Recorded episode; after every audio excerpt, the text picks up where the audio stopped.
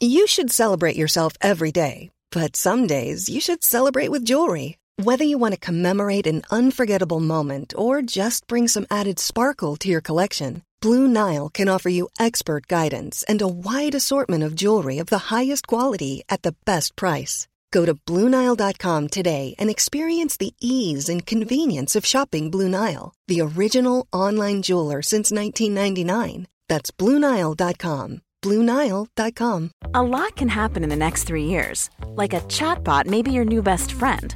But what won't change? Needing health insurance. United Healthcare Tri Term Medical Plans are available for these changing times. Underwritten by Golden Rule Insurance Company, they offer budget friendly, flexible coverage for people who are in between jobs or missed open enrollment. The plans last nearly three years in some states, with access to a nationwide network of doctors and hospitals. So, for whatever tomorrow brings, United Healthcare Tri Term Medical Plans may be for you. Learn more at uh1.com. I'm Sandra, and I'm just the professional your small business was looking for. But you didn't hire me because you didn't use LinkedIn jobs. LinkedIn has professionals you can't find anywhere else, including those who aren't actively looking for a new job but might be open to the perfect role, like me. In a given month, over 70% of LinkedIn users don't visit other leading job sites. So if you're not looking on LinkedIn, you'll miss out on great candidates like Sandra. Start hiring professionals like a professional. Post your free job on linkedin.com/people today.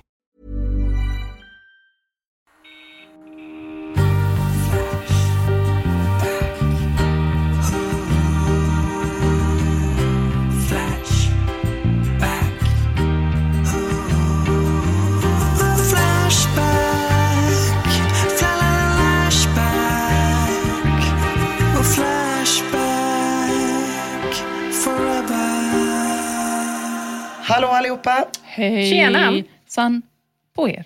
Hej, hej. Hej! Hej. Hur mår ni? Bra, tack. Mm, tack som Utmärkt. frågar. Varsågod. Hur mår du själv? Tack som frågar. Bra, tack. Mår jag? Ska vi börja med utlottningen eller? Ja, det är kul. En person har ju vunnit eh, i våran eh, årskalender som vi har gjort. Eh, Och det är kalender med nummer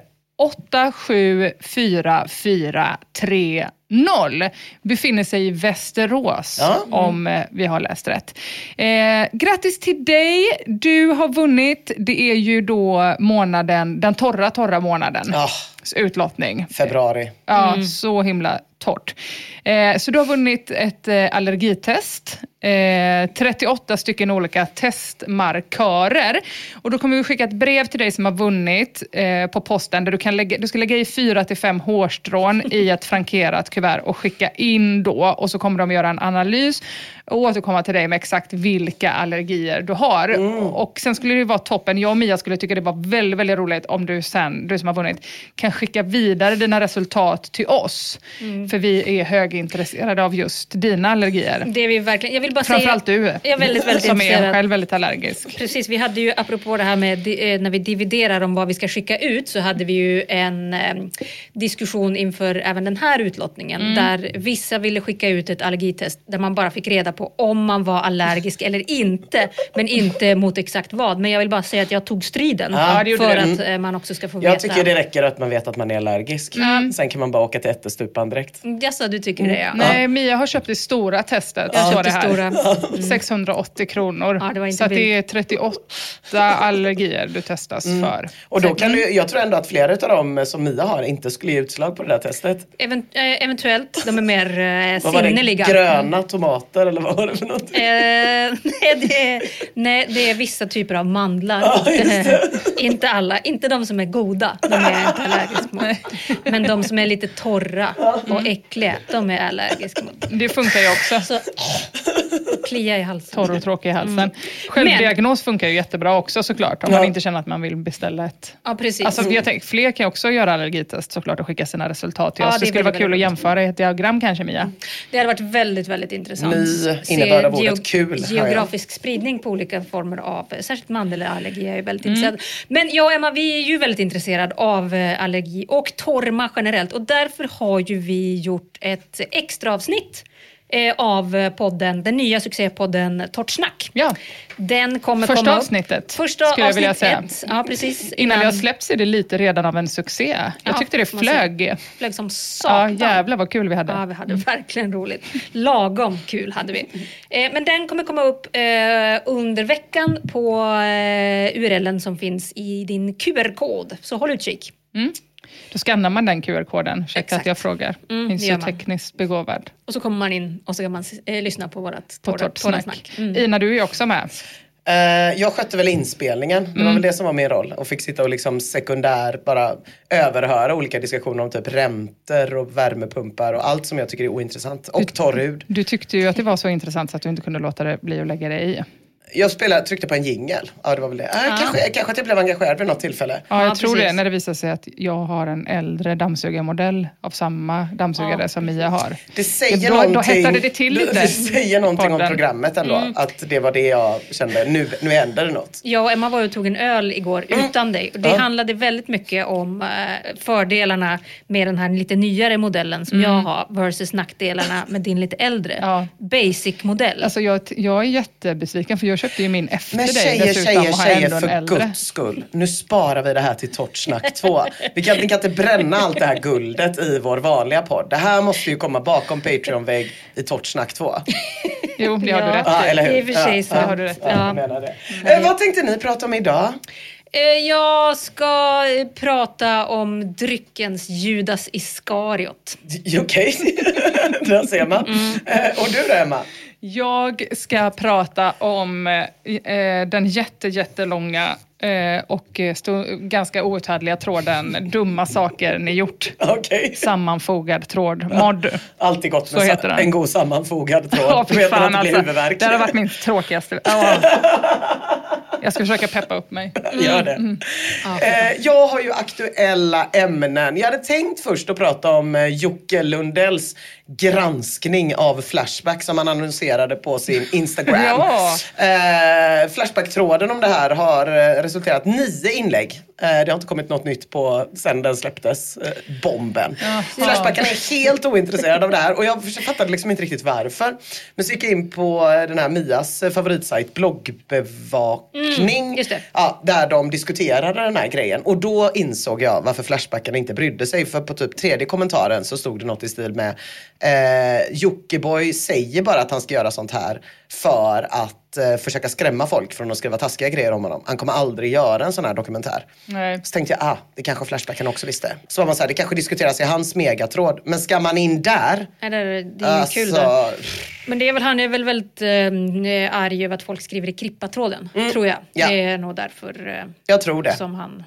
Jaha, för jag tänkte vad är själva bevakningen? Är det att han ska skriva, Nej, han att skriver folk typ skriver rasistiska De saker? största och värsta Flashbackarna skulle han hänga ut med namn.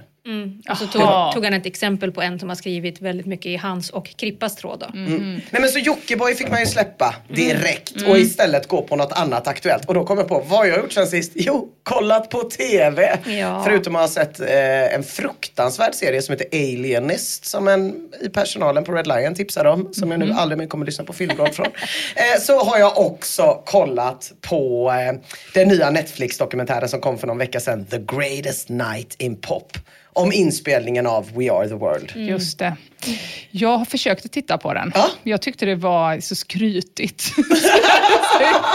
jag kollade bara fem minuter. Du tyckte Lionel Richie skröt för mycket? Ja, jag tyckte verkligen Mm. att det var, en, det var en ton.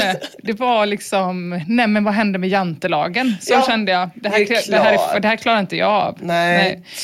Att han skulle samla de bästa musikerna och så, jaha, det, vadå bästa? ja, Nej. så stängde jag av. Nej men det är klart, det är ju rätt skrytigt. Jag tänkte väldigt mycket på det när jag såg eh, dokumentären. Hur det bara är att hantera 40, världens 40 kändaste musiker. När man typ så, vissa har solon, vissa har inte solon. Vissa får stå närmare Ja, micken, fan. andra får stå längre bort. Vissa får spela in på en bättre inspelningstid sitt solo. Några andra måste vänta.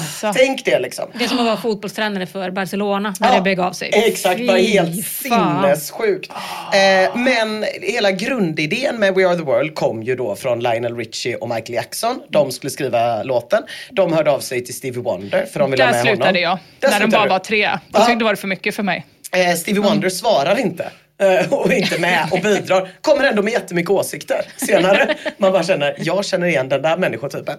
Så Lionel Richie och Michael Jackson är så här, ah, men nu har vi skrivit klart låten. Också så här och vet att man ska skriva en låt. Det är en vecka kvar till inspelning. De har ingen låt. De vet bara att världens största stjärnor kommer. Ja, Varav många skriver kuken. väldigt bra låtar själva, typ Bruce Springsteen eller Bob Dylan enligt vissa. Så, så vet man så här, jag ska presentera en låt för det här gänget. Vi har ingen låt. Steve Wonder svarar inte, men till slut lyckas de spela in en låt. Så spelar de in en slaskversion och ska skicka ut till alla.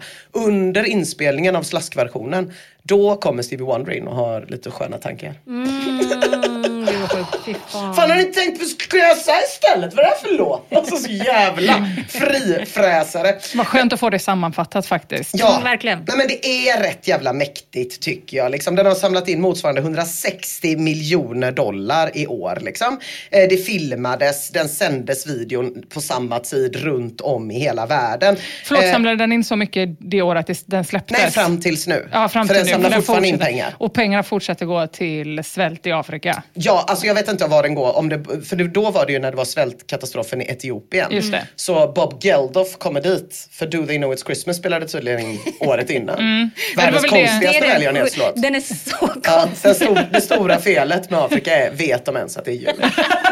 Det är det vi måste lära dem, att det är jul. Men det, det är ju, hela tecken är ju att de är ju så fattiga att Ja, de inte vet. att de inte vet att det är jul. it's. Christmas. Nej, kan ju vara för att vissa de är muslimer. exakt. Men absolut.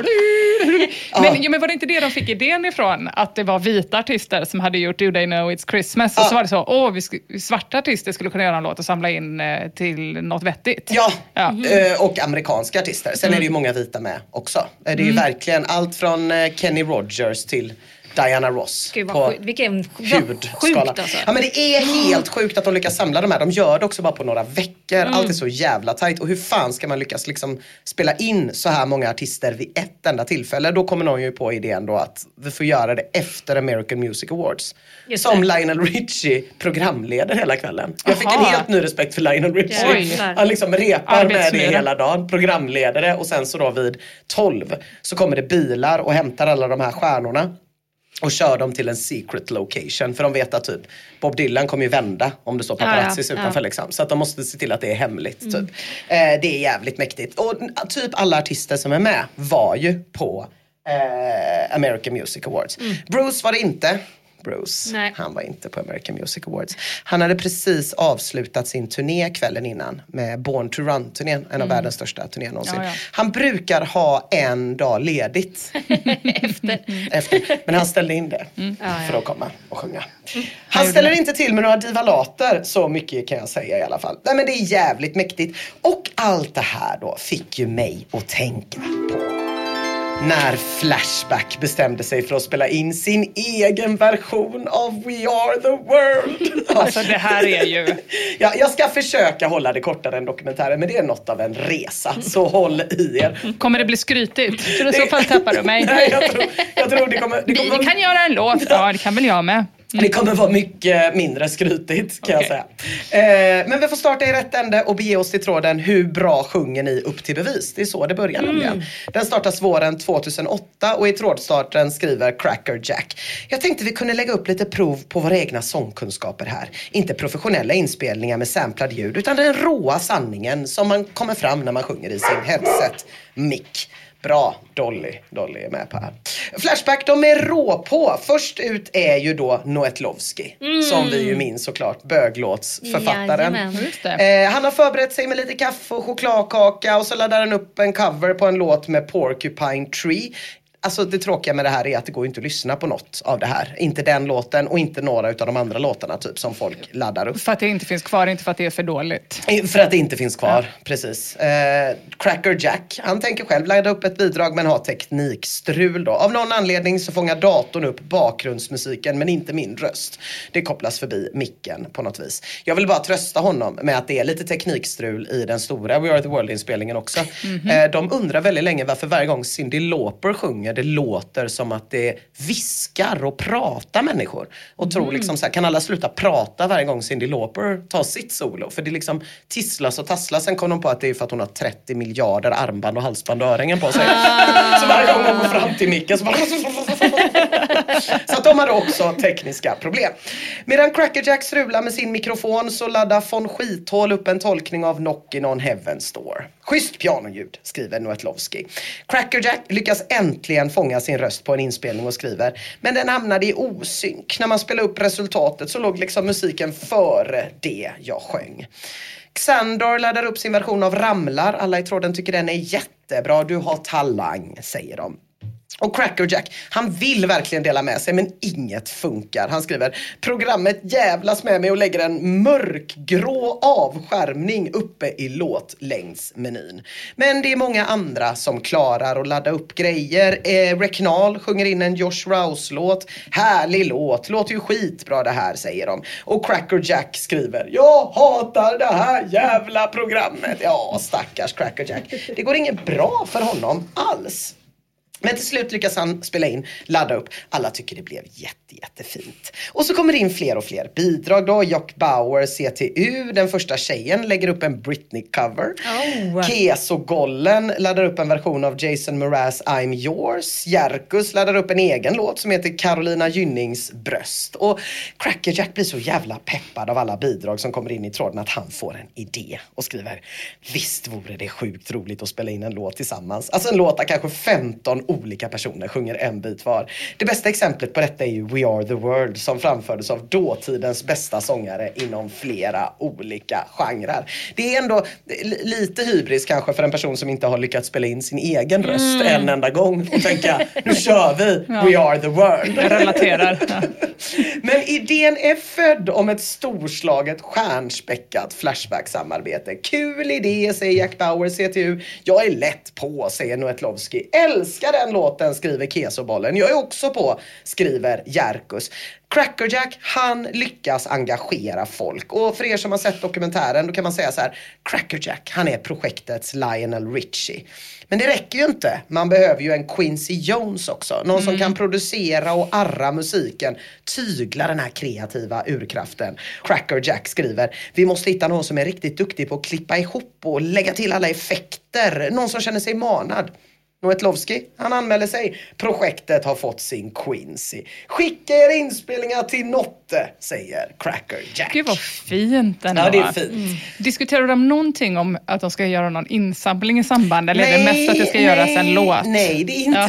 det. Och jag undrar, lite, jag undrar lite om det kanske är därför som, lite spoiler, det blir lite svårare att rodda. Att Mhm. få människor engagerade. För att liksom i eh, We Are The World-inspelningen, då när man precis har samlat alla de här egorna klockan 12 på natten i den här Mm. skållheta studion.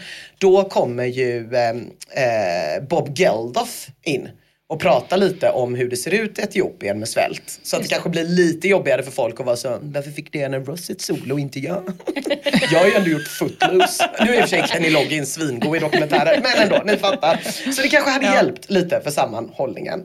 Eh, Erik Ande, 85, vill vara Bruce Springsteen. Det är ju ändå, eh, får man ju ändå säga, att ta ta den grejen. Det, det är väldigt fint i den här dokumentären. Man ser ju, man sitter ju och tittar väldigt mycket på Bruce och ser hur sjukt eh, trött han är. Ja, Tröttare än någon annan. Mhm. Eh, och eh, hur extremt lite hans röst har kvar att ge efter Born to Run turnén. Men att han ändå liksom lyckas få ur sig. Ja, det är ja. We are the children. Men sluta. Ja, det är helt jävla otroligt. I alla fall, Erik Ande 85 vill ta Bruce Springsteens del. Mod, Modigt. Noetlovski vill vara Steve Perry men ångrar sig sen och skriver Kenny Rogers och James Ingram, de är mer i mitt register. Miramar erbjuder sig vara Stevie Wonder men Crackerjack har ju nu då två Stevie Wonder, det går inte. Miramar kan tänka sig vara Michael Jackson också, tur. Nicky Six blir tilldelad Paul Simon och Last Caress får bli James Ingram eftersom att han har lagt upp ett litet snabbt smakprov på sin sångröst. Fan vad kul ändå. Alla är med. Sån jävla uppslutning. Kommer aldrig några inspelningar till Noetlovski.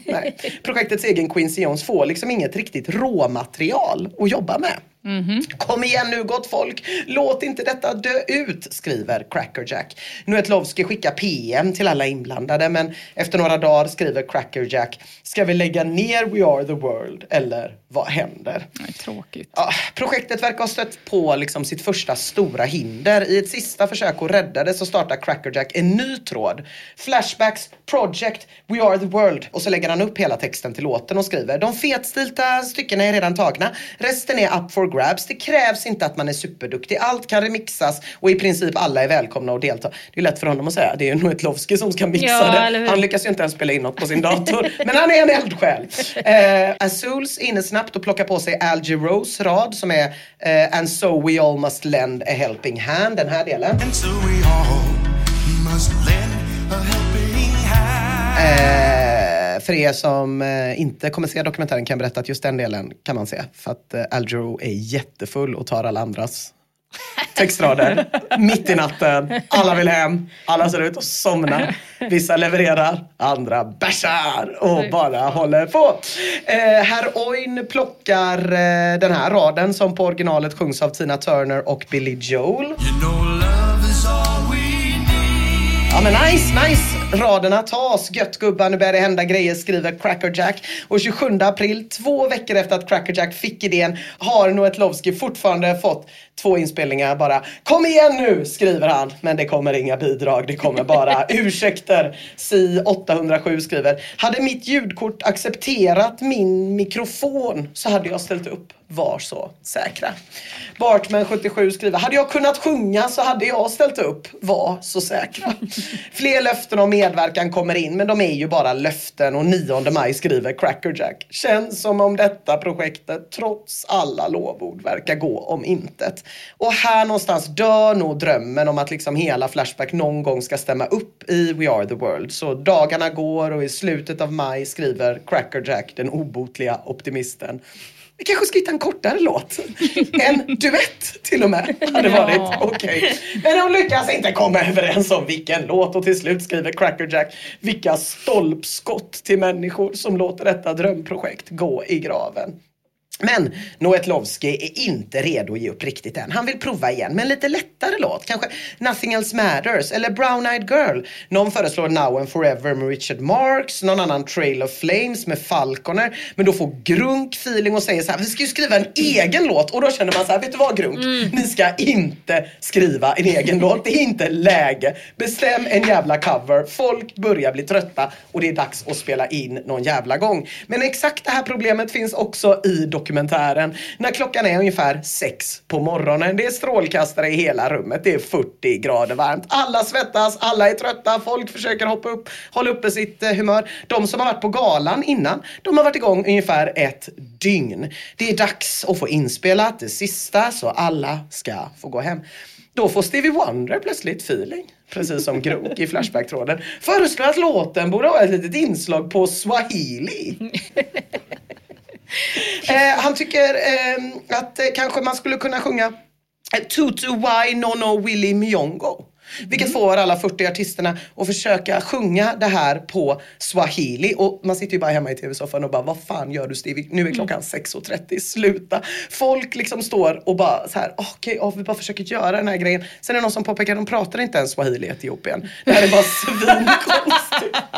Men surast av alla blir Waylon Jennings som är den första att lämna studion för här går topplocket ur. Han drar och säger de bevingade orden Well ain't no good old boy ever sung swahili. Och så stormar han ut ur studion.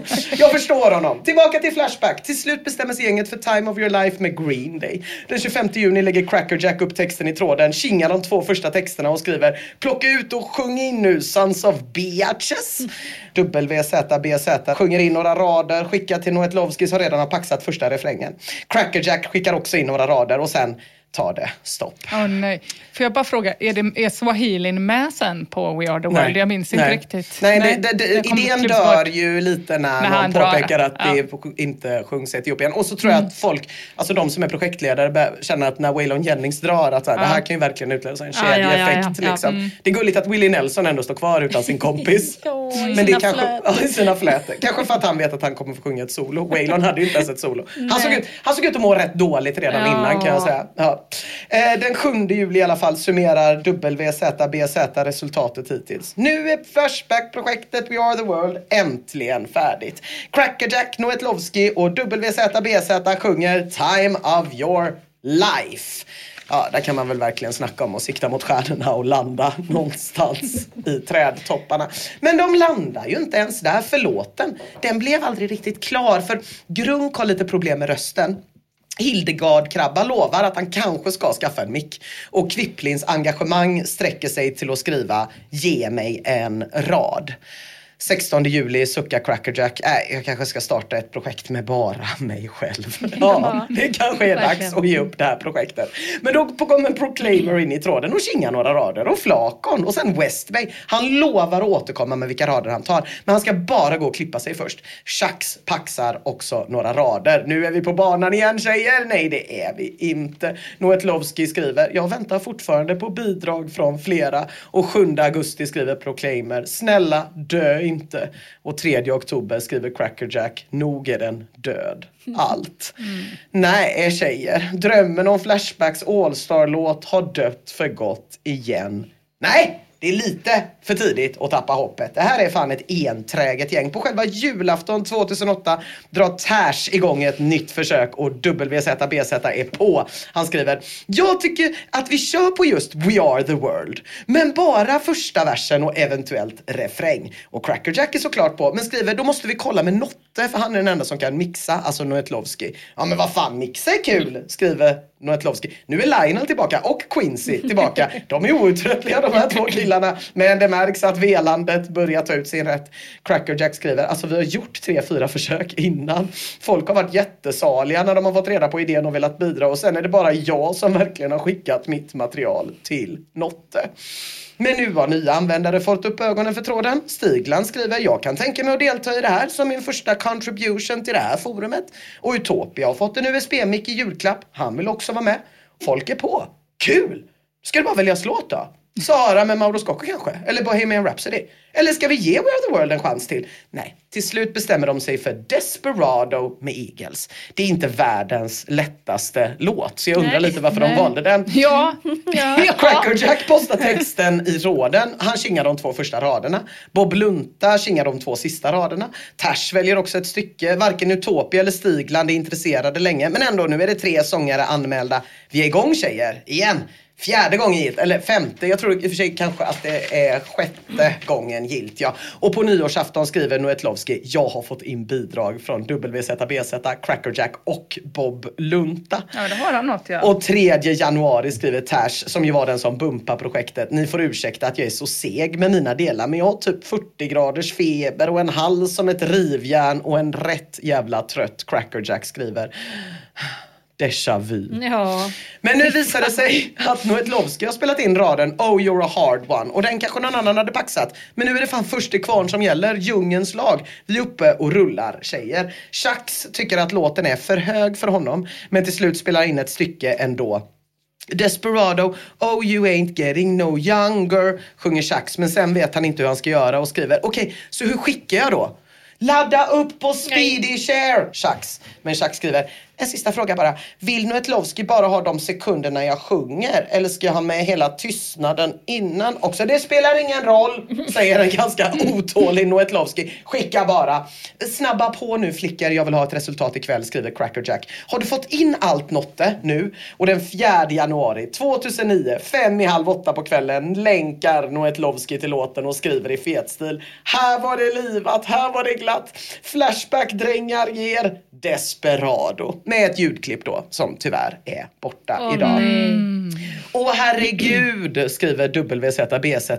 Något inom mig dog inombords när jag lyssnar på det här, skriver Crackerjack. Och Shax skriver, jag har ändrat mig.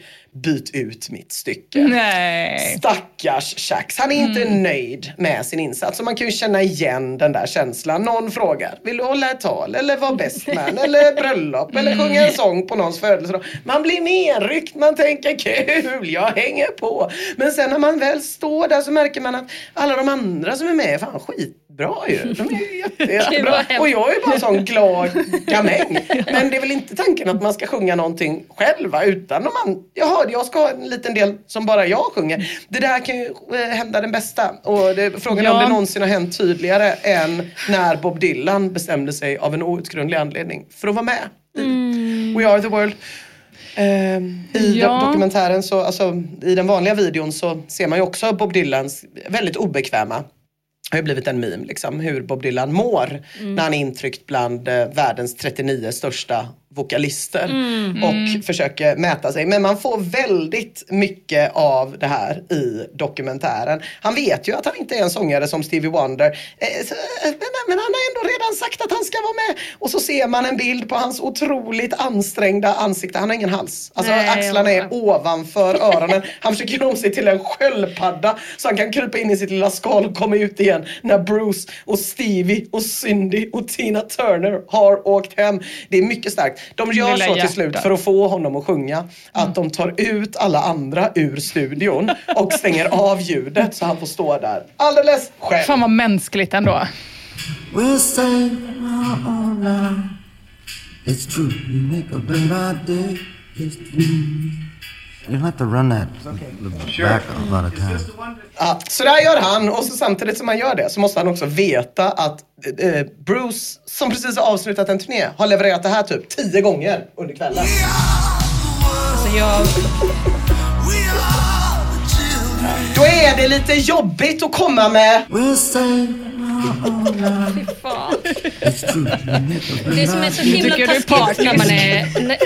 Det som är så taskigt när man är i, i Bob Dylan-stadiet, Ja. det är ju att man hell också hamnar i att man inte vågar ta i. Ja. Och så blir det så 600 gånger värre av att man bara försöker väsa sig ur de där situationerna. Det är mycket mer klädsamt att bara vara så högljudd och Ja, dålig ja, jag vet. Ja, än just det. tyst Ja men och dålig. verkligen. Det är också, det är också liksom så här, alla vet, alla hör ju på Bruce Ja. röst att den är helt paj. Ja. Men han bara dönar ju på. Ja. Liksom, och, så ser man, och så ska man se det. Typ, Ja. Det är som att bli omsprungen av någon med brutet ben. Ja. Det är så himla taskigt. Ja, ja. Där Vilka andra ska vara med i projektet sa du? Ja. Tash skriver, mycket väl kämpat gubbar i alla fall i Flashback-tråden. När startades tråden? Ska kolla. Aha, okej. Åtta månader sedan. Trägen vinner, som det heter. Ja, fan vad de har kämpat, gänget i tråden. Eller inte alla då. Min extremt inkompletta lista på folk som har anmält intresse, det har över 30 namn på sig. Och på inspelningen sjunger bara Crackerjack, WZBZ, Bob Lunta och Shax. Och kanske Noetlovski. Så det blev ju inte riktigt den där All-Star-festen man eh, hade hoppats på då. Eh, men Lionel Richie, a.k.a. Crackerjack, han är nöjd ändå och skriver någon borde lägga upp den på YouTube helt klart. Men det är ingen som gör det. Den laddas upp på Speedyshare några gånger, sen någon annan sida och sen är den stendöd. Vem vet, kanske ligger den och guppar någonstans där ute på internet. Jag har inte lyckats hitta den. Om någon kan hitta den så får de jättegärna skicka den till mig. Det hade varit underbart. Men eh, vi kan väl skicka ut en blinkning till Notte, för vi har ju haft kontakt med honom förut.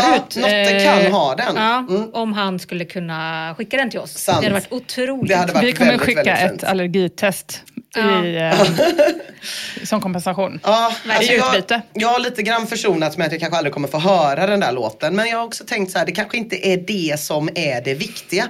För till skillnad från sin stora syster We Are The World så har liksom Flashbacks Desperado inte riktigt etsat sig fast i det kollektiva medvetandet på samma sätt. Men för de som var med när den växte fram den där våren 2008 och sommaren och hösten och vintern så kanske det inte var resultatet som var det viktiga utan själva processen. Och det dröjde ju 40 år innan vi fick se vad som verkligen hände bakom Ja, kulisserna på varför We Are The dröjde World. det 40 år? Ja, det är väl väldigt länge. Ja, det är väl väldigt länge. Ja, de måste ju Säger ha de haft- någonting om det när de släppte dokumentären? Alltså de måste ju ha haft som syfte att visa filmen. Ja, ja, det är ju, Ja. film, det är ju folk som är där och filmar hela Ja. tiden liksom. Ja, hur fan kan det... För då tänker jag att det är kul också om vi får låten av Notte. Att det har dröjt nu då. Ja, just det. Precis. 20 15 år. 15 år. Ja, men det är precis. Mycket kortare. Då kan man ju vinna över We Are The World på det sättet. Ja, men för det är ändå väldigt, eh, alltså om det bestämdes redan då, typ att det här kommer vi visa. Det, har ja, det, finns, det finns väl en musikvideo Ja. från det som Ja, det ju har ju den visats. som, precis, det är ju den, den sändes ju över hela världen precis. samtidigt. Ja. Då. Så den finns ju. Mhm. Och, och, men de filmar, det är det som är roligt att man verkligen får se hur trötta Ja. Alla är Ja. för att de filmar där inne hela tiden. Ja. Man får verkligen se hur när klockan är sex och alla bara vill gå hem och någon tror att de lättar upp stämningen med att dra ett extra skämt. Ja. Hur folk skrattar artigt och sen färre och färre skrattar artigt och till slut tänker alla ingen skrattar åt några skämt för vi måste bara fan härifrån. Det är väldigt snyggt att man verkligen får se det. Eh, Men det dröjde som sagt 40 år och det är säkert mycket vi inte får se. Men när Flashback spelade in Desperado då hade vi ju första parkett från första stund och det tycker jag är fint. Och vad hände sen då? Jo, tråden bubblar på ett tag. Folk är sugna på en uppföljare. Man bestämmer sig för Hey Jude men ingen skickar in något. Crackerjack vill rikta in sig mer på musikalsång. Någon annan vill ha enklare låtar. Någon tycker något med Ray Charles. Till slut bestämmer man sig för You Are Not Alone med Michael Jackson och det rinner såklart ut i sanden. I april 2010 startar Crackerjack-tråden We Are The World Part 2. Åtta användare hinner välja verser, åtskilliga andra anmäler intresse, tre skickar inspelat material, tråden dödförklaras av Noetlovski i slutet av juli samma år med orden Blir inget av det här. Icke. Leva, låta, dö. Det blev inte någon We Are The World. De siktade på det här.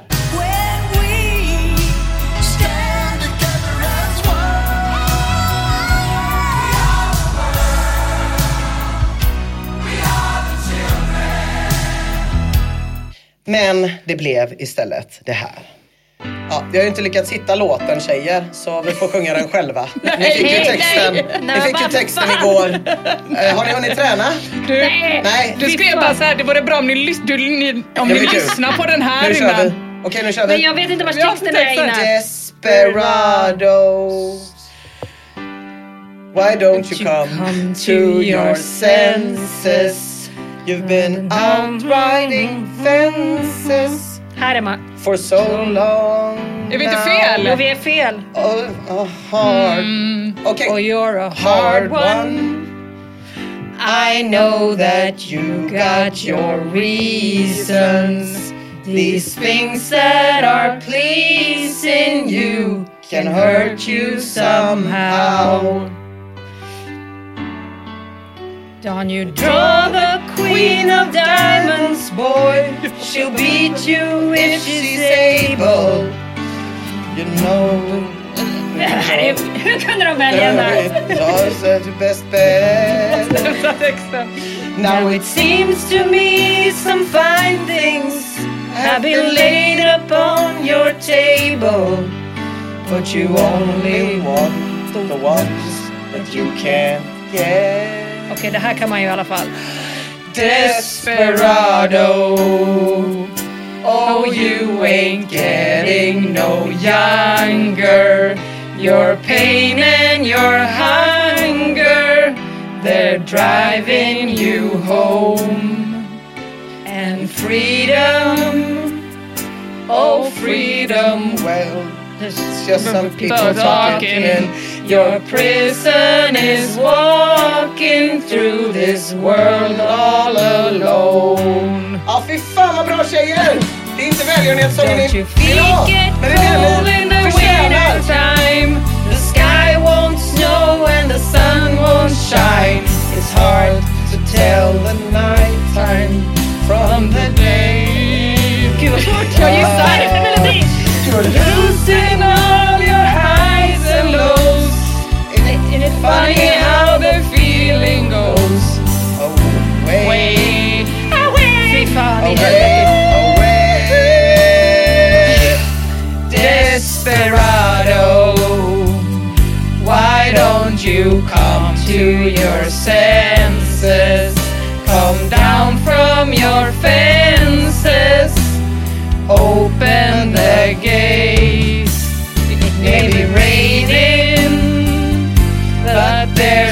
a rainbow above you. You better let somebody love you before it's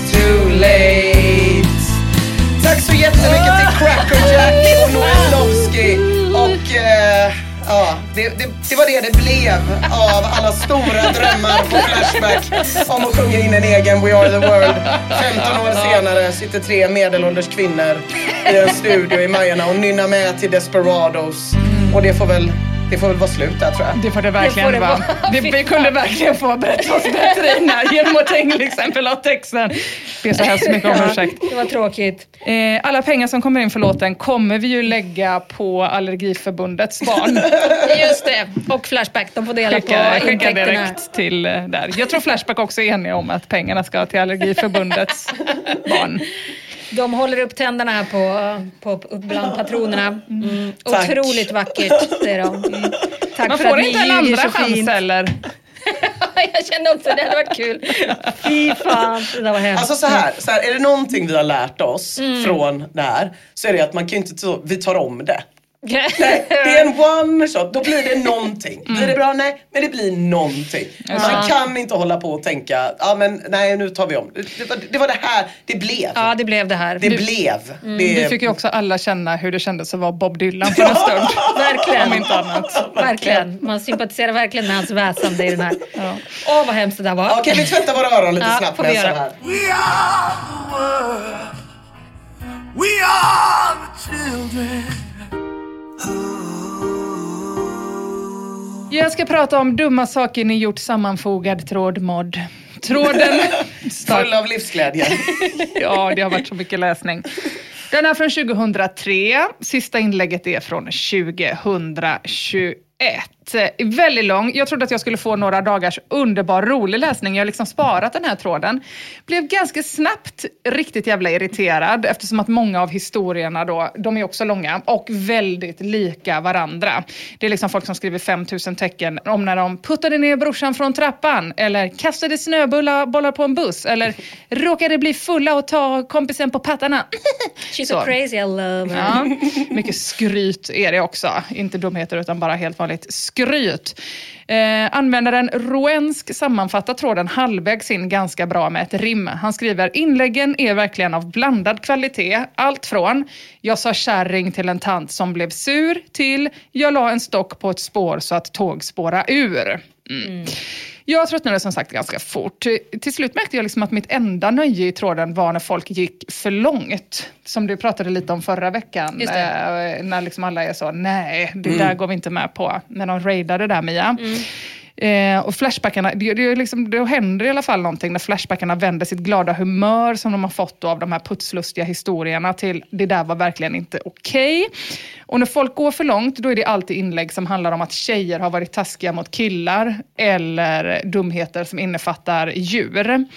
Eh, har man eldat igelkottar så får man sin beskärda del internetstryk. Användaren Das Dave försvarar sig med att skriva “Men nu är jag väldigt god vän med djur och natur samt har ett autogiro till Greenpeace där jag skänker 200 kronor i månaden”.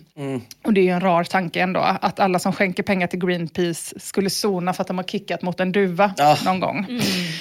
Ibland är de lite eh, snett ute på andra sätt. Brobban gör till exempel ett inlägg där han skriver gymnasiet skruvade jag ner en lampkupa från taket inne på toan. Sen sket jag i den och skruvade upp den igen. Det, var, det var väl ändå... Ja, det var ju dumt. Det var ett kvalificerat inlägg i den här tråden, det får ändå säga. Ja. Mm. Eh, eh, då, skriver Kyckelsrud, det är inte dumt, det är sjukt. Mm. Ja. Ganska sjukt. Ja, men också väldigt ganska dumt. dumt. Om det är hemma hos sig själv är det ju väldigt, väldigt dumt.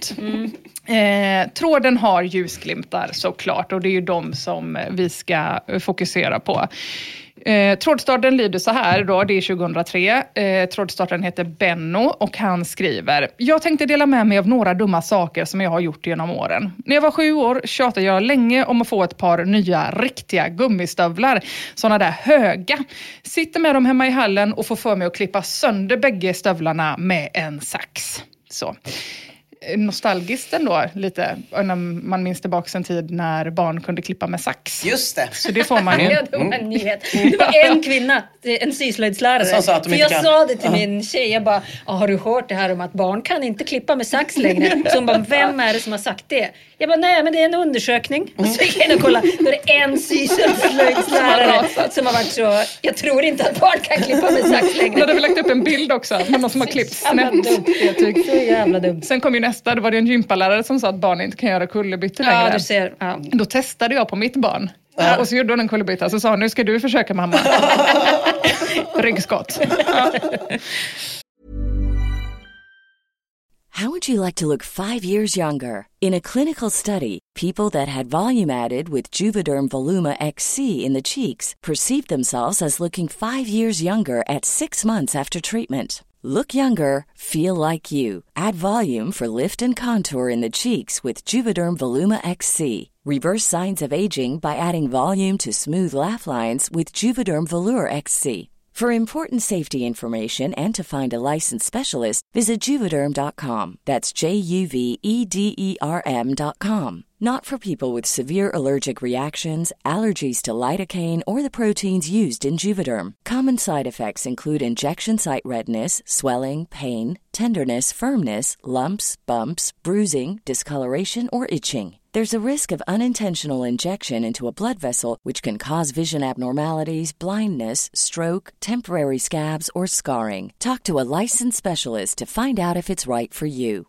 Quality sleep is essential. That's why the Sleep Number Smart Bed is designed for your ever evolving sleep needs. Need a bed that's firmer or softer on either side? Helps you sleep at a comfortable temperature? Sleep Number Smart Beds let you individualize your comfort so you sleep better together. JD Power ranks Sleep Number number 1 in customer satisfaction with mattresses purchased in-store. And now, save 50% on the Sleep Number limited edition Smart Bed for a limited time. For JD Power 2023 award information, visit jdpower.com/awards. Only at a Sleep Number store or sleepnumber.com.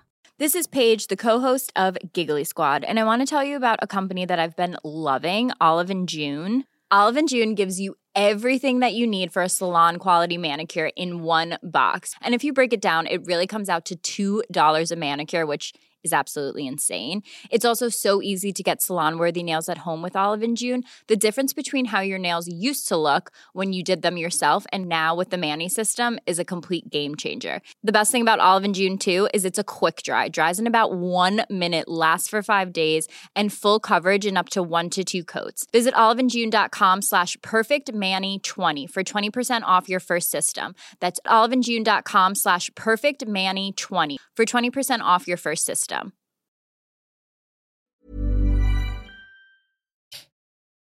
Sen så skriver Benno, 14 år, jag och morsan ska ut och handla. Jag går ut före med bilnycklarna. Bredvid bilen är det en gatubrunn. Jag får få mig att testa ifall nyckelklippan skulle få plats mellan springorna. Plum sa det. Vi fick ringa till gatukontoret som fick skicka en gubbe. Jag fick gräva i den äckliga sörjan efter nycklarna. Två timmar senare kunde vi åka iväg 1200 spänn fattigare och en visdom rikare. Det här var bara ett litet axplock av idiotgrejer som jag har gjort. Dela gärna med er av era idiotier. Så det är ju då en tråd som i alla fall uppmuntrar till en god portion nostalgi. Man sitter och läser och minns alla dumheter man själv har gjort kanske. Allt kul man har haft med silvertejp, alla trasiga ting skapade av tvångsmässiga dumheter. Som till exempel när jag stack en nål i klassens gemensamma boll bara för att se om den skulle gå sönder, vilket den såklart gjorde. Det var inte kul då, det är inte kul nu, inte värt att berätta. Och så är ju de flesta dumheter, att det bara är dumt och meningslöst. Men en del dumheter är faktiskt lite mysiga. Eh, och jag har delat in dumheterna i tre stycken kategorier för att ta mig igenom det här. Och det är barn, tonåring och eh, vuxen. Och vi börjar då med den nostalgiska delen, barndomen såklart. Heiss skriver så här om dumheter från sin barndom. Skulle lära mig dyka från sängen, bröt armen. Typ. Typiskt. Mm. Mumma pappa skriver, åtta år, önskade mig bara en röd julost i julklapp. Fick bara en röd julost i julklapp. Ångrar mig ännu fram till denna dag. Det var lite dumt. Stargazer skriver, en gång limmade jag igen ögonlocken på bilden. Våran bildlärare började lipa. Det gjorde hon i och för sig varje lektion. Fan vad alla haft en sån lärare. Så pratar hela tiden. Det är så sjukt med människor som har det röstläget. Ja. Ja. Gråta vilken sekund som helst. Verkligen. Röstläget. Och också gjorde det, inte bara Ja, hade det nej, röstläget utan vet. också hade så nära till liv. När man jobbar i högstadiet, Nej, hur kan man ha så nära till gråt? Nej. Nej, det var fruktansvärt. Våran hette Tyndy och var väldigt, väldigt kristen. Mm. Och så var det, att man skulle måla bilder på Jesus varje gång. Väldigt ledsen blev hon när man gjorde fel. Apan Ola skriver, mamma bad mig gå och handla mjölk. Jag undrade hur mycket mjölk jag skulle köpa och hon svarade, ta så mycket du orkar bära. 45 minuter senare kom jag hem med 40 liter mjölk på en pulka. Prisse skriver, Det var gulligt. ja det var gulligt ändå, mycket O'boy den veckan kanske. Prisse skriver, man är bra konstig när man är liten. Jag och en kompis fick för oss att fälla ett stort träd. Efter veckor av täljande med en morakniv ramlade trädet ner.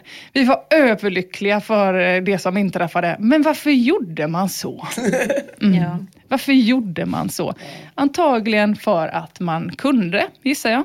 Salpeter skriver, när jag var liten tryckte jag in en ostmacka i VHS-spelaren så att den fastnade. Farsan frågade varför jag gjorde det. Jag svarade, för att jag kan. Och det var ju så det var. Varför man gjorde så är också en fråga som kommer upp i många av historierna som innefattar eld. Jag var ju själv något av en pyroman så jag vurmar extra starkt för dessa berättelser.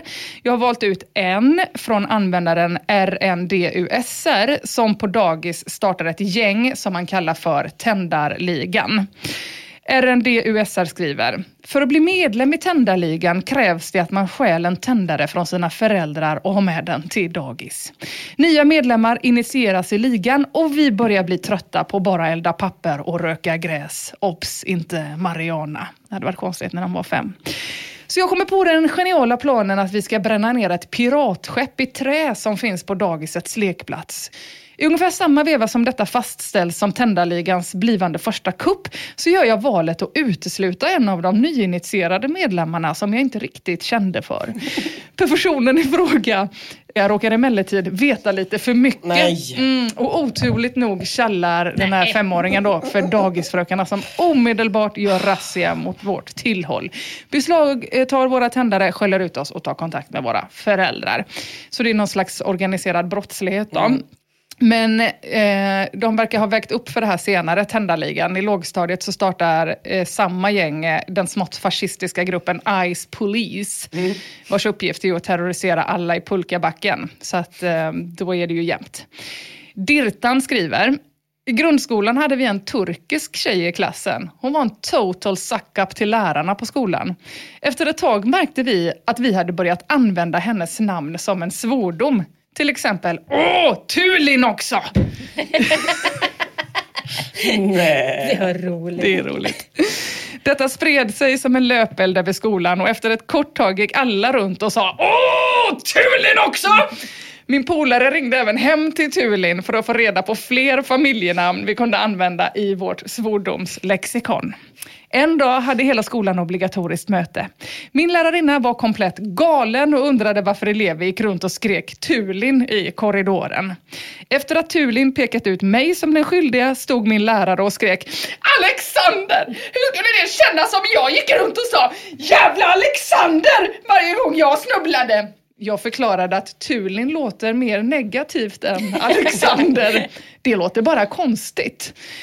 Efter ett tag fick alla som sa Tulin på skolan en timme kvarsittning. Mm, men de verkar ha fortsatt ändå. Eh, de bästa dumma grejerna, det är ändå de som är ganska smarta. För de bästa dumheterna tycker jag är de som görs i hämnd. Eh, då blir jag riktigt glad. Glumin skriver. När brorsan var fem år hade han fått en utskällning av farsan. Farsan hade gått och lagt sig senare. Då hade brorsan bestämt sig för att hämnas.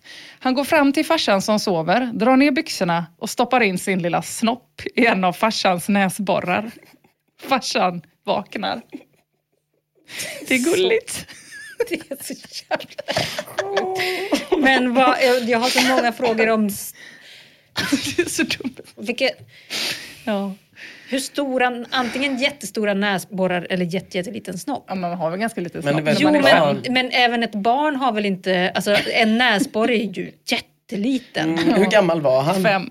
Jag vet, jag vet inte. Jag Fan, vet inte. Visst är väl ändå en näsborre mindre än en femårings snopp? Jag vet, det kanske var därför han vaknade. Det känns typ som att man kan bli dömd för Ja. pedofili bara för att man pratar om det här. Så jag vågar inte säga verkligen. någonting. Det känns verkligen så. Låt Det blir som den vidare. nya mangadomen typ. Att alla är så här, va vad sjukt kan man bli dömd för pedofili för det? Ja, och så står vi där dömda för pedofili. Svintråkigt ju. Att du sa att det var Det gulligt. väldigt, väldigt tråkigt. De stoppade in sin lilla snopp i farsans näsborre. Gud vad sjukt. Gud vad otroligt sjukt. Oh, det, är så, det är så dumt. Sen har vi också en användare. Eh, våran kära reaktor-Rickard, känd för att ha byggt en liten kärnreaktor hemma i sitt kök. Han är ju en klass för sig, det vet vi ju redan. Mm. Psychopathic skriver, jag la Thunder Kings i en grannes postlåda, postlådan gick åt helvete. Och det är ju många som har gjort, men den här konflikten med grannen verkar ha eskalerat under barndomen. Psychopathic skriver senare i ett inlägg, när jag var 12 år så låg jag fortfarande i fejd med min granne, som bland annat eh, la sig i angående mina grodor och mina labbglas. Jag blandade till världens mest miljöförstörande gift bestående av bly, kadmium, kopparsulfat, järnklorid och gud vet vad. Hur gammal var han? Ja, detta är ju 12 är han här. Ja. Effektivt var det i alla fall. På natten smög jag bort och hällde skiten på grannens rabatter, blommor, tomtäck, äppelträd och gräsmatta. Nästa dag var allt dött. Ja, så gick det. Eh, och nu har ju Psychopathic ändå hamnat i tonåren, så då tar väl vi oss till tonåren och dess dumheter också. De flesta dumheter under tonåren utspelar sig i skolmiljö. Mossi skriver till exempel, jag slängde en kalvlunga på en i klassen när vi dissekerade sådana. Cold Dead Hands skriver, jag beställde 60 böcker och tre videofilmer i min hemkunskapslärarinnas namn. Hon var militant feminist.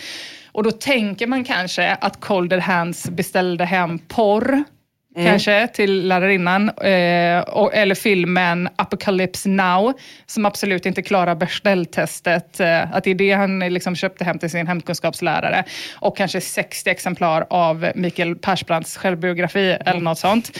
Men det är inte det som han har beställt, utan det är 60 böcker och tre filmer om bär. Jaha. Jättedumt. Ja. Väldigt, Ganska roligt faktiskt, Väldigt dumt. ja. Det är roligare än Det är roligt om det är Det är 60, roligt, det är ja. väldigt roligt om det är 60 olika böcker om värld. 60 olika ja. titlar. Ja, det måste det väl vara. Ja, gud. Eh, Dipperdan skriver, jag och mina polare tog en cykeltur på landet för att se vad det fanns för spännande saker att fördriva tiden med. Vi bestämmer oss för att besöka lite gamla hus och se om man kan få med sig någonting värdefullt därifrån. Hus 1, röd liten sommarstuga. Byte, en dunk med vatten som vi trodde var sprit. Hus 2, gult tvåvåningshus vid slutet av en liten grusväg. Vi hinner väl med kanske 20 sekunder snokande innan det brakar loss en hög jävla röst på ryska på ovanvåningen. Panikflykt ut fort som fan och cykla i 70 därifrån. Byte, ingenting. Hus 3, grön barack. Byte, en halv flaska päronkonjak och en walkie-talkie. Vi drog igång walkie-talkien som gick till en som körde skogsmaskin och sa Hej, vi har gjort inbrott hos er och snott eran sprit. Det blev ett jävla liv i den lilla apparaten så vi kastade skiten i sjön, åkte till en badplats och drack upp spriten. Lagom till att vi skulle dra oss hem igen upptäckte jag, jag har tappat min plånbok. Nej. Självklart med alla mina uppgifter i. Mm, dumt. Det har jag också Ehm, gjort en gång. När jag blev jagad av polisen. när jag var tonåring. Tappat din plånbok. Jag kastade, jag blev tagen för fylla. Mm. Och eh, kastade, hade folköl i en systemet-påse. Mm. Jag ville verka cool. Eh, och de jagade mig. Jag kastar hela påsen. Eh, inser att i påsen låg också mitt eh, lägg. Och så hör jag hur de säger, eh, någon skriker stanna, stanna, du är så ung, du har druckit starköl. Så hör jag den andra säga, det är inte starköl. det är bara folköl. Hon vill bara få det att se ut. Åh, Ja, nej. ja. Jo, jo, Ännu förvisso. Åh gud. Just det.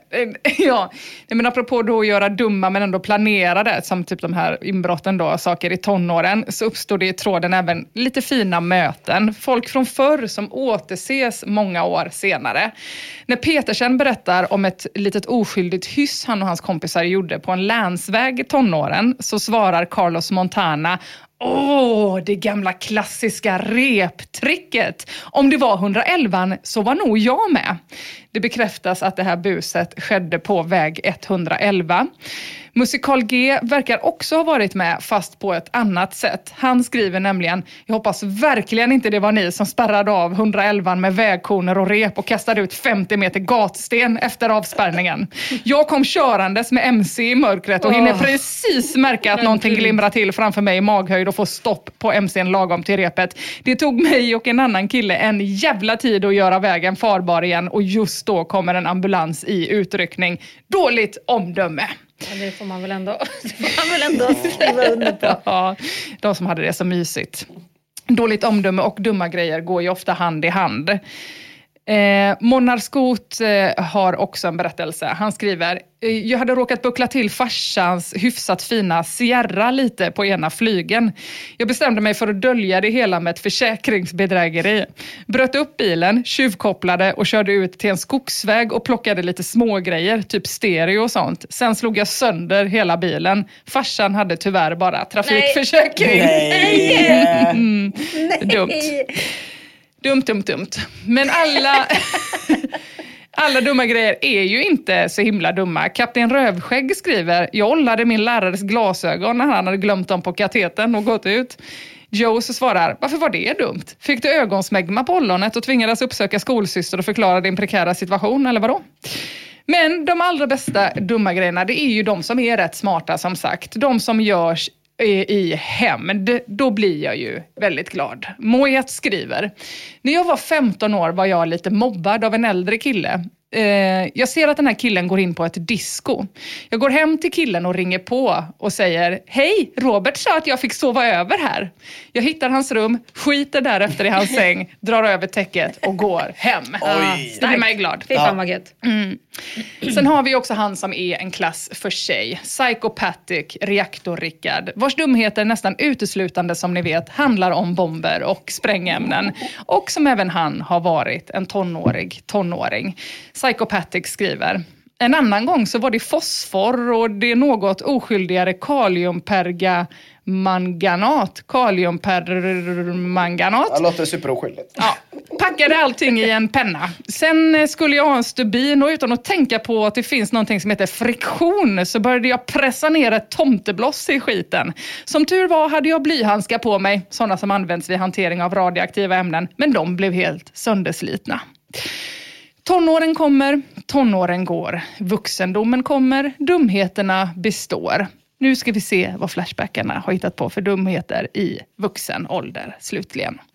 Lutas skriver, i somras sprang jag naken över en polisbil. 12 000 i skadestånd, 1 700 i böter. Något liknande för dig där kanske, Mia? Mm. Ja. Shamron skriver, en gång så pissade jag på grannens tomt. Han kom ut och kollade på mig. Vi hade ögonkontakt i 20 sekunder. Sen bjöd han in mig.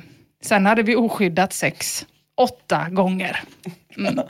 Ja. Oklart vilken del av den berättelsen som det var, dum. Det var, ja, men det var precis. Mm. Om det var sju gånger hade det varit helt lugnt. Ja, åtta, det. åttonde ångrar han. Ja, just det. Om pisset var okej eller om det var dumt. Mm. så många frågor, så lite svar. Men annars hörni, så verkar dumheterna ha lugnat ner sig rätt så jävla avsevärt i intensitet när vuxendomen inträtt. Knivjerry startar sitt inlägg med att länka till en musiklåt från Lilla Melodifestivalen 2008. Den här.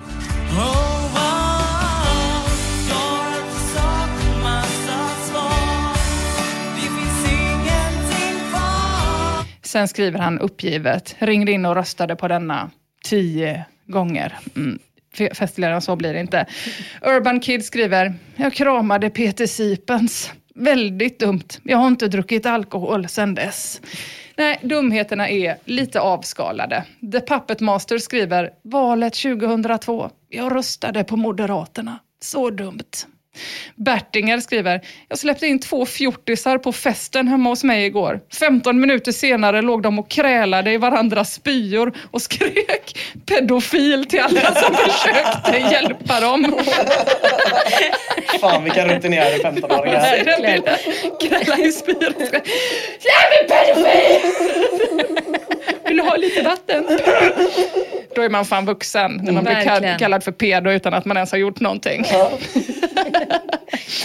Flashbackarna har blivit trötta och det har också deras dumheter blivit. Herr Gurka skriver, jag tatuerar in texten “Jag är trött” på ena foten och på den andra foten “Jag med”. Det tyckte jag var kul. Ja, Playmate skriver, har du fortfarande kvar det? Herr Gurka svarar, ja, det är ju det som är problemet. Det går inte bort precis. Mm. Det var kul, men det är inte samma svung när man är vuxen. Det kan vara lite, lite mer så här vardagliga dråpligheter. Who's got the crack? skriver. För ett tag sedan så tyckte jag att min mobil uppförde sig lite konstigt. Så jag tänkte att jag skulle ringa den från hemtelefonen för att se om det går fram signaler. Jag står med mobilen i handen och börjar ringa. Jag svarar hallå, hallå, tills jag kommer på att det är jag själv som har ringt till den. Det är lite trött och det är lite dråpligt. Men sen så har vi också han som är en klass för sig, våran reaktor Rickard, som även gjort riktigt, riktigt dumma saker i vuxen ålder, som man bland annat kan höra om i tidigare avsnitt av den här podden till exempel. Eh, Psychopathic skriver jag kom hem ganska full efter en fest en gång och kom på att jag hade salpetersyra, svavelsyra och glycerin hemma. Blandade ihop allt. Nåja, lite vett hade jag väl kvar så det blev inga större mängder. Men när jag vaknade nästa morgon står där en bägare full med nitroglycerin. Eldade sen med bensin i en liten skål, men då började det brinna och sprida sig och jag försökte sopa ner allting på golvet. Men det var inget golv utan bara massa bensindunkar och T-sprit. Jag åt upp alla mina antidepressiva tabletter för att se vad som skulle hända. 1,5 gram Efaxor och 120 milligram Seroxat. Slutade på IVA med hjärtkollaps. Nej. Tråkigt. Rickard tröttnar ju aldrig och dumheterna har ju följt honom genom hela livet. Till mångas stora förtret, kanske också hans, men också till eh, vår stora glädje. Ja, verkligen. Det får man verkligen säga. Jävla hjälte, verkligen. Så det var den jävla tråden. Bra gjort. Bra kämpat, Emma. Tack. Mycket bra. Flashback. Ja, idag ska jag som sagt prata om dryckens Judas Iskariot. Den ser kall, god och läskande ut, precis som Judas gjorde. Men när man för den till munnen för att släcka sin svåra törst, då märker man hans svekfulla smak. Man spottar och man fräser. Han smakar parfym och huvudvärk. Vad dum man känner sig. Och gå på krogen nu för tiden, det är som att spela det där jävla jellybeans-spelet där man inte har en aning om man ska få en böna med smak av smörpopcorn, det vill säga en ljuvlig ljus lager, eller en böna som smakar sjukdom, det vill säga en IPA. Dödens dryck, den dåliga andedräktens mecka, Montezumas egentliga hämnd. Men, vill jag säga, smaken är ju som baken, det vill säga vissa människors smak är det som finns inne i röven, bakom lager av intorkat svett, inne i analkanalen, det gillar vissa. Smak av surknull, som att två mycket, mycket smutsiga människor har blandat sina kroppsvätskor. Den ena har de senaste tio åren bara fräschat upp sig genom att raggarduscha i hemmanent medan den andra bara har låtit naturen ha sin gång, inte gjort motstånd och därför utvecklat en egen surdegskultur i ljumskar, armhålor och kring könet. Som de två kropparnas förening. Så smakar IPA och det gillar vissa och jag dömer ingen för det. För du är neutral, eller hur? Som vanligt.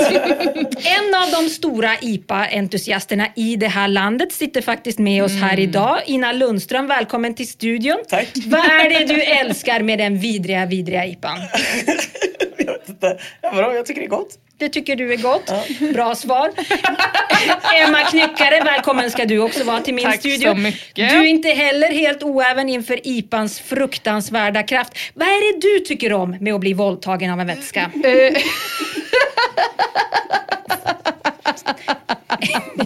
Enkel fråga bara. Jag vill bara säga att jag är inte heller så förtjust i IPA. Jag tycker att det smakar blommor. Mm. Men jag tycker om några för att Ina har lärt mig. Det där är så jävla Lärt. fult att du skyller på mig. Jag jag gillar inte IPA egentligen, men jag dricker ibland för att Ina blir glad. Du gillar visst IPA. Jag gillar några stycken, men det finns några Ja, som jag jag gillar bara vissa. som jag tycker Precis smakar... Vissa eh, gillar, gillar vissa lager, gillar vissa, vissa olika Ja, sorter. det är sant ja. Mm. Man gillar ju inte alla lager heller. Nej. Nej, jag Vissa inte smakar ju räkor, väller ut. Nej, nej, nej, just det. Inte helt överens här har Nej, jag. men jag trodde inte jag gillade IPA, men jag har lärt mig att gilla några. Men absolut. De är så starka framförallt. Det De skulle är jag säga är, och är en fördel. Fruktansvärda. Jag hade ju verkligen en personlighetskris. Det var ju sjukt jobbigt när jag jobbade på Hagabion. Det var ju 2000, jag började jobba där 2008. Det var ju då liksom IPAn kom till Sverige. Och jag var ju bara så jävlar vilket jävla, alltså mest för att människor var så jävla ollonaktiga som kom in och beställde IPA. Att folk kom in och var så, en humlebomb! Jag bara, dra åt helvete ditt jävla ollon, du får en stor stark. Folk typ, jag vill ha en drink, du får fiskshots. Alltså så här att man bara slog ner det så fullständigt. Jag och Kalle bara gjorde oss så jävla lustiga över alla så maltbaroner och humlekonnässörer som skulle gå in och typ, jag vill ha en Simcoe-musik. Och sen var det en dag efter stängning som det var någon som var där som bara så här, men du kan ju smaka en typ. Och så smakade jag och så tyckte det var jättegott. Ja.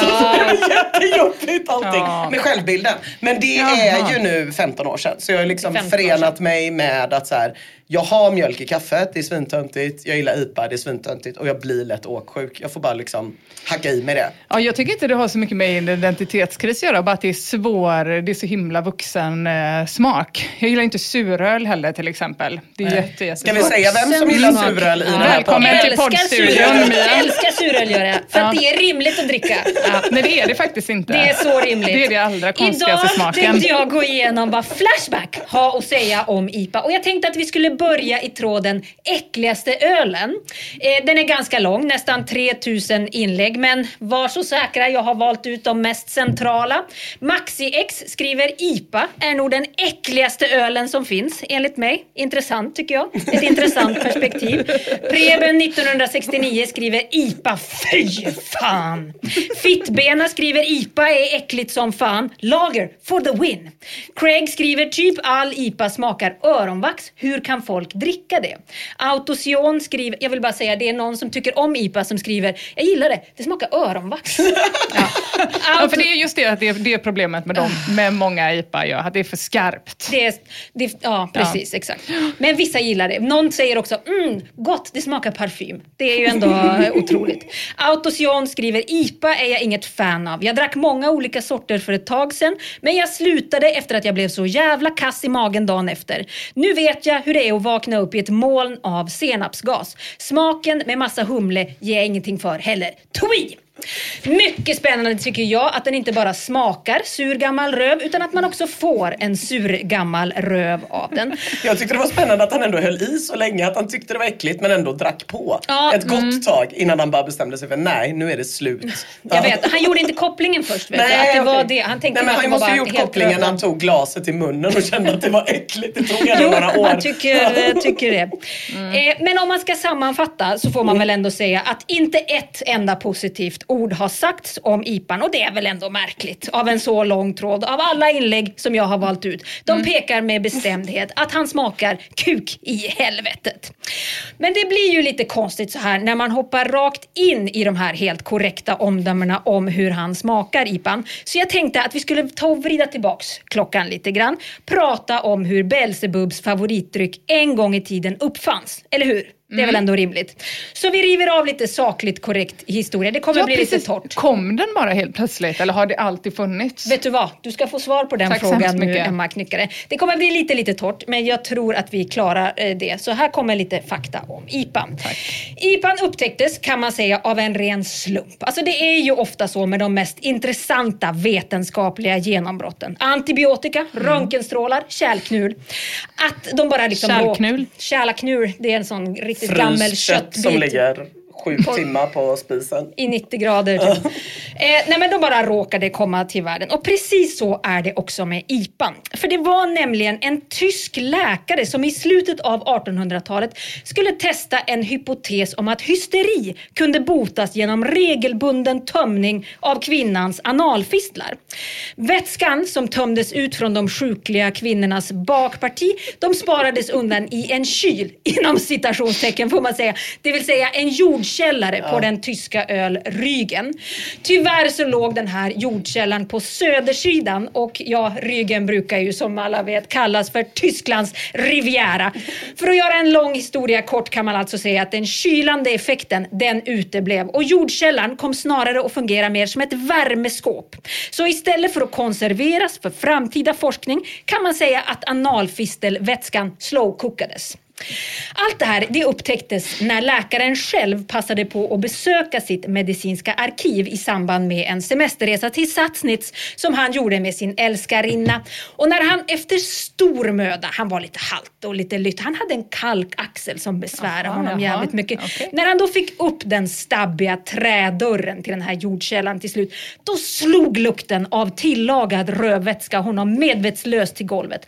Och vet ni att där låg han och marinerades i de livsfarliga ångorna innan älskarinnan i sista stund lyckades baxa ut honom. Och han var ingen liten kille, det kan jag säga. Han var riktigt bastant. Kartofflar älskade han. Hjälpte inte till så mycket heller kanske då om man hade den där skadan i Han var ju axeln. avsvimmad så Ja, det är ju så svårt att hjälpa ja, till. Jo, det har du Ja. också rätt i. ja. Mm. Efter att hon hade fått ut gubben då så sprang älskarinnan tillbaks in i jordvärmeskåpet med risk för sitt eget liv och tog med sig en av flaskorna ut. Hon lindade in den i ett juver från en självdöd låglandsko i hopp om att lukten från kadaverdelarna skulle ta över. Men det var förgäves. Och så hon bär nu en analfistelvätska. Alltså det är väldigt dåligt att du ställer så mycket följdfrågor så att du ska komma ihåg det här. För jag hör redan nu hur du återberättar det här för Petter hemma sen. Så, Vet du, vet du hur IPAn uppfanns? Du verkligen vill få så att jag får detaljerna rätt. Ja, hur, vad, vad var frågan så kan jag Så hon tog alltså analfistelvätskan som var buteljerad nu Den var och buteljerad. så, så lindade hon in det i, I den självdöda låglandskons juver. självdöd, jag skriver upp här, Ja, självdöd för, att- för, att, för, att, för att lukten skulle döljas då. låglandsko. Ja. Men det här var ju förgäves. Skriver du? Ja.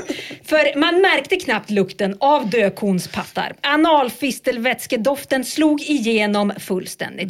Det var inte förrän hon tillverkade en rustik kondom av låglandskons halvt förruttnade tunntarm, hällde ner vätskan och därefter svalde kondomen som lukten kunde isoleras något sånär. Gud, det är spännande. Det visade sig snart, tyvärr då, att hon var tvungen att hålla munnen stängd för att förhindra luktläckage. Det här, det märkte hon när eh, läkaren en gång till svimmade efter att hon hade försökt trösta honom med väna tyska ord av omsorg. Halsmeil, leine, lachne, nicht, sa hon ömt i hans öra och då svimmade han av. Då.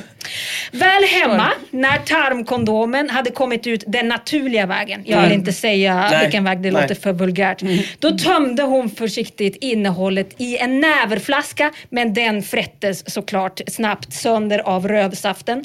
Snabbt som en vessla hällde hon då över i en glasplunta som hon sen ställde utanför sin lilla timmerkoja. Hon hade länge haft problem med orädda råttor som åt upp hennes kolproviant. Men efter att arselflaskan kom in i bilden så bildade den en osynlig mur mot allt levande. Men jag ser på er att ni undrar vad hon skulle ha den här vildjästa analkulturen till då, Ja, står allt detta på Wikipedia? Allt det här står. Med läkaren hade hon nämligen ett märkligt BDSM-förhållande som gick ut på att han gav henne obehagliga saker att äta som gjorde henne förfärad. Lite som smakleken fast för mycket, mycket perversa vuxna människor. Båda två de blev kåt som satan av det här och med analfistelvätskan såg hon möjligheten att ta det sexuella spelet till nya nivåer. Och läkaren, han var inte den som sa nej trots att leken innebar risk för svimning. Han blev eld och lågor. Sa inte nej. Sa inte nej. När han sen matade henne med en sked av de hysteriska kvinnornas rektalinflammationer, då kved älskarinnen. Ach nein, inte pappas analfistelvätska. IPA. Och med det var IPAn född och har glatt många masochistiska subs allt sedan dess. Bland annat er två. Några frågor Jag visste inte att den var så den? gammal. Väldigt, Det är väldigt gammal. jätte- jättespännande. Antik i princip. Ja, I princip 1800-talet antik. sa du väl? Ja, exakt. För jag kan inte minnas. Du minns det inte, nej. nej du var inte Som född. tonåring. Lilla vän, du var inte född när det här hände. Nej. Nej. Efterfrågan på den här gudsförgätna drycken, den har gått lite i vågor sen dess. Allting beror på vilken del av befolkningen det finns en övervikt av. De rimliga människorna som vågar ställa de kritiska frågorna som till exempel, är det gott med infektion? Eller de lite mindre älskvärda IPA-tardsen, de som kallar sig lite mognare i sitt smakomfång och därför tycker att vällagrande varansamlingar har någonting. Slitningen mellan de här två personlighetstyperna, det syns ganska tydligt i tråden IPA smakar skit, hur kan ni dricka det? Där den 26-åriga tesen Brunjacken undrar just hur i helvete folk kan tycka om pappas analfistelvätska. Mm. Och genast är de där. Gänget som hävdar att det är en fråga om just mognad. Och de är många dessutom. Inside Outman skriver att när TS får pubishår kommer han börja uppskatta smaken. Killing Field skriver att TS föräldrar förmodligen inte uppmuntrat honom att prova nya smaker i barndomen. Någon slags jävla ölfreudianism tydligen. Och Lavan lägger snarare skulden på TS själv och skriver Kanske du inte gillar IPA för att du inte har utvecklat dina smaklökar tillräckligt. Det där tror jag också på. Att, jag, att man är en barnmun. Ja, Man är ja barnslig. väldigt, väldigt rimligt. Man är vara barnslig, lite fjantig hjärna. Ja, men det kan mycket väl vara så. För, för Lavan som skrev det, han är en väldigt, väldigt rimlig person. Han har tidigare startat trådar som “Min brud vill inte ställa upp för mig när hon inte är kåt själv. Varför dumpar vi inte all plast och annat avfall i rymden? Och hur äter ni ett äpple?” Så du och Lavan kan man väl säga är väl garanter för den här äh, mogna teorin. Ja. Jag glider Jag iväg hela tiden känner jag. Jag var inte riktigt färdig med IPAns historia. Mm. Nej, för när började den här senaste IPA-vågen egentligen? Du var ju lite inne på det tidigare Ina. Eh, jag har ju inte kollat upp det utan jag har mer känt inom mig- mig när det borde vara. Och precis som du har jag en känsla av att det var när jag själv jobbade i bar. Samma bar som av en tillfällighet. Det var väl en 15 år sedan. Jag minns hur ölen framför mina ögon gick från att vara otroligt trevlig, rimlig, någonting som man var avundsjuk på att folk fick dricka medan man själv var nykter och jobbade, till någonting som snarare var ett arbetsmiljöproblem. Som om någon hade tvättat linoleumgolv med grönsåpa. Det luktade lavendel, migrän, ångest och pappardell. Minns du också det? Att det blandades upp av deras paradrätt. Pappardell. Pappardell. Jag tänkte att det här kommer säkert gå över. Det är ju en fas det här, precis som homofili. Till slut kommer de att förstå att äckligt inte är gott. Men det visar sig att jag hade fel. För här står vi nu. Det är 15 år senare och barerna luktar fortfarande som den där jävla jordkällaren på ryggen. Det är jävligt skumt det där. Folk försöker ju hela tiden säga så här, ja ah, nu, eh, nu, var, eh, nu är stout, stout är den nya IPan. Eller så här, Ja. nu är det bitten. Eller nu är Ja. det kellerbier. Eller är så här, försöker utnämna olika saker till den nya IPan. För att det är helt sjukt Ja. att den bara kom och sen bara stannade. Ja, för allt, allt annat är ju bara så här trender. Men den är bara kvar. Ja, för visst drack, man beställde ju aldrig en IPA, eller det fanns väl inte att beställa? Eller fanns det bara inte i ens eh, medvetande? Nej, det fanns när man inte. var? Nej. Det fanns Nej. inte. Det, det var väl precis där när vi jobbade som det Ja, började upp. precis. Det, det var ju då krogar började ha andra öl. Liksom. För att man andra började brygga andra öl? Alltså det, blev, det hängde väl ihop med mikrobryggeriernas Mm, genomslag. Att, det, att folk började intressera sig för... För analfistlar. eh, Fistlar, ja. Men ja. Mm. I tråden “Göra IPA godare” har TS Ostabil Livslust köpt hem IPA och nu undrar han såklart om det finns något sätt att transformera det här djävulskapet till en god öl, det vill säga en ljus lager. Och därför så ber han Flashbackarna om hjälp med det. The Jacket skriver “Blanda med valfri folköl i den stil du tycker om”. Tre delar folköl och noll delar IPA får man väl anta blir en bra mix. Ja, den tar ju över ganska mycket om du Den blandar den. gör ju det. Det är lite dens grej. Övriga förslag är att lägga i citron och salt eftersom att det funkar i matlagning när man har skapat ett oätbart monster. Och Är tequila. det verkligen så? Nej, det var beskan då som de var så. Det är mot... Men Ah, eh, jag vet inte, beskan är väl inte IPAns största problem om man ska vara helt ärlig. Jag tänkte att det är det, ofta är det folk hatar, att den är så jävla besk. Ja. Ja. Besk och smakar parfym. Ja, det är parfymsmaken Ah, som okej. får mig att... De som är jobbiga. Ja, fy fan. Stick i ögonen. Mr Madoff skriver IPA smakar skit. Som av en tillfällighet. Ja, men man får väl också säga att IPA inte är ett isolerat fenomen som har ploppat upp som en ensam fittsvamp i en för övrigt frisk kultur. Vi var ju inne på det innan. Problemet är större än så. Don't copy my name kan få illustrera det med sin tråd. Varför köper folk inte dyrt öl? Den skriver så här. När jag är på eller utanför systemet dagen före röd dag så ser jag folk komma tågandes ur butiken med backar med öl. Men grejen är att det i nio fall av tio är billig öl. Sofiero, Norrlands, en och annan Carlsberg. Varför köper inte folk dyrare, mycket godare öl? Ja, det är väl en fråga så god som någon kan jag väl känna. Hovslättsmannen skriver därför att Svensson inte bryr sig om smaken. Det ska gå ner lätt och så ska man bli full. Det förvånar mig ständigt när jag går ner på systemet att arbetande män runt 50 år köper en kasse billiga starköl. De verkar ha behållit samma dryckesvanor som de hade i gymnasiet då man skulle få veckopengen och räcka till en fylla. Andrei Aksakov skriver ner den objektiva sanningen. Jag har druckit hundratals olika dyra öl. Ingen har smakat så gott som en ljummen ljuslager. Att det dessutom är det billigaste alternativet, det är en fin bonus. Fille Flensost skriver varför köpa dyr bögig IPA när Falcon både smakar bättre och gör en full för en tredjedel av priset. Backstund skriver min man Anders, framgångsrik företagsledare, dricker enbart dyr öl. Mm, jag kan inte ens föreställa mig honom dricka någonting billigare och det kan nog ingen annan heller. Vilket oväntad start på ett inlägg på Flashback. Verkligen. Den som köper billig alkohol har helt enkelt accepterat sin lott i livet. Det är inget fel med det. Även om vi som står lite högre upp i näringskedjan tycker lite synd om dem. En intressant representant för IPAn tycker jag. Genomsnittlig skulle jag tro att den är faktiskt. 5, Vad har du 26 hittat på det inlägget? Nej, det är det jag säger. Han är en bra representant. 526 skriver, jag är för homosexuellas rätt i samhället. Jag kan till och med tycka att transsexuella ska få vara i fred. Men ölbögandet, det har jag svårt för. De antastar och ser ner på oss ölnormativa med sitt skit om det finare äckelölet som smakar mat.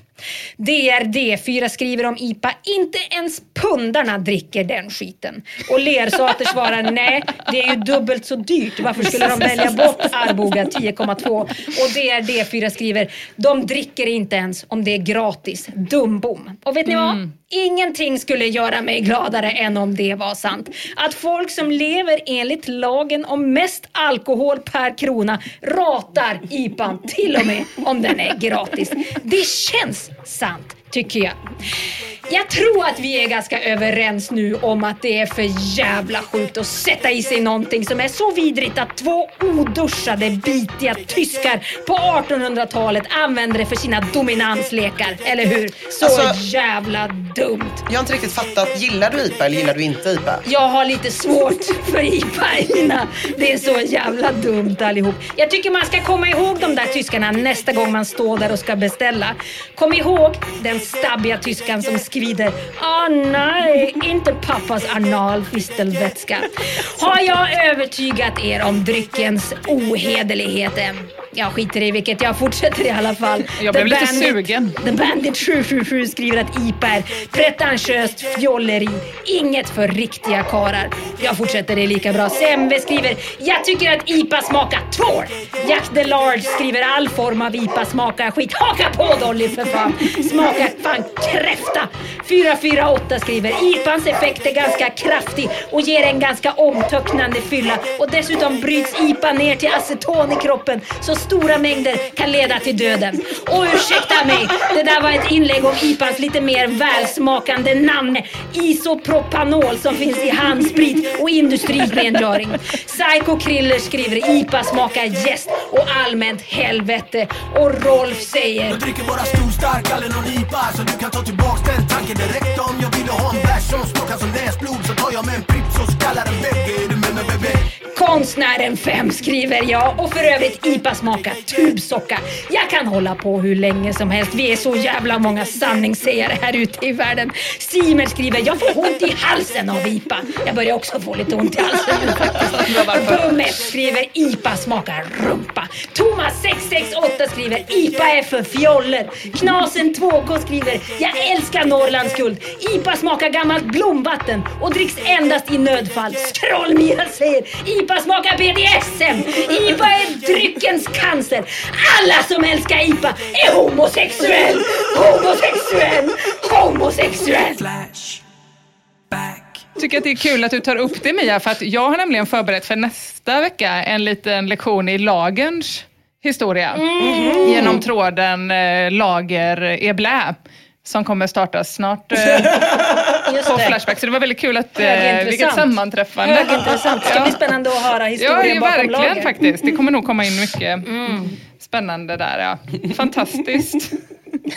Men jag har fortfarande inte riktigt fattat, alltså, gillar du Nej, men jag håller kan ha lite svårt för det. Lite, jag får som sagt lite ont i halsen. lite skarpt kan du tycka. Lite Aningen. huvudvärk. Ja, lite, lite skarpt. Otroligt. Åh herregud. Ja, gud. Äh, nu måste jag gå till Red Lion. Hörni, tack så jättemycket för idag. vilket tack alla som Tack, tack. lyssnar. Ja. Tack eh, våra patreons. Och tack Flashback. Verkligen tack. Hej hej! Hej hej!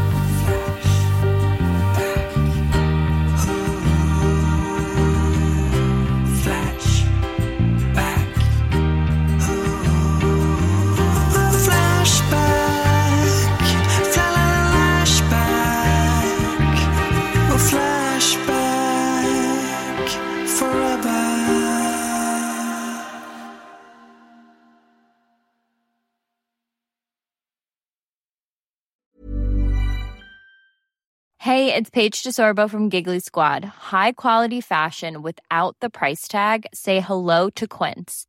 I'm snagging high-end essentials like cozy cashmere sweaters, sleek leather jackets, fine jewelry, and so much more. With Quince being 50 to 80% less than similar brands. And they partner with factories that prioritize safe, ethical, and responsible manufacturing. I love that. Luxury quality within reach. Go to quince.com slash style to get free shipping and 365 day returns on your next order. Quince.com slash style. Even when we're on a budget, we still deserve nice things. Quince is a place to scoop up stunning high-end goods for 50 to 80% less than similar brands. They have buttery soft cashmere sweaters starting at $50, luxurious Italian leather bags, and so much more. Plus, Quince only works with factories that use safe, ethical, and responsible manufacturing. Get the high-end goods you'll love without the high price tag with Quince.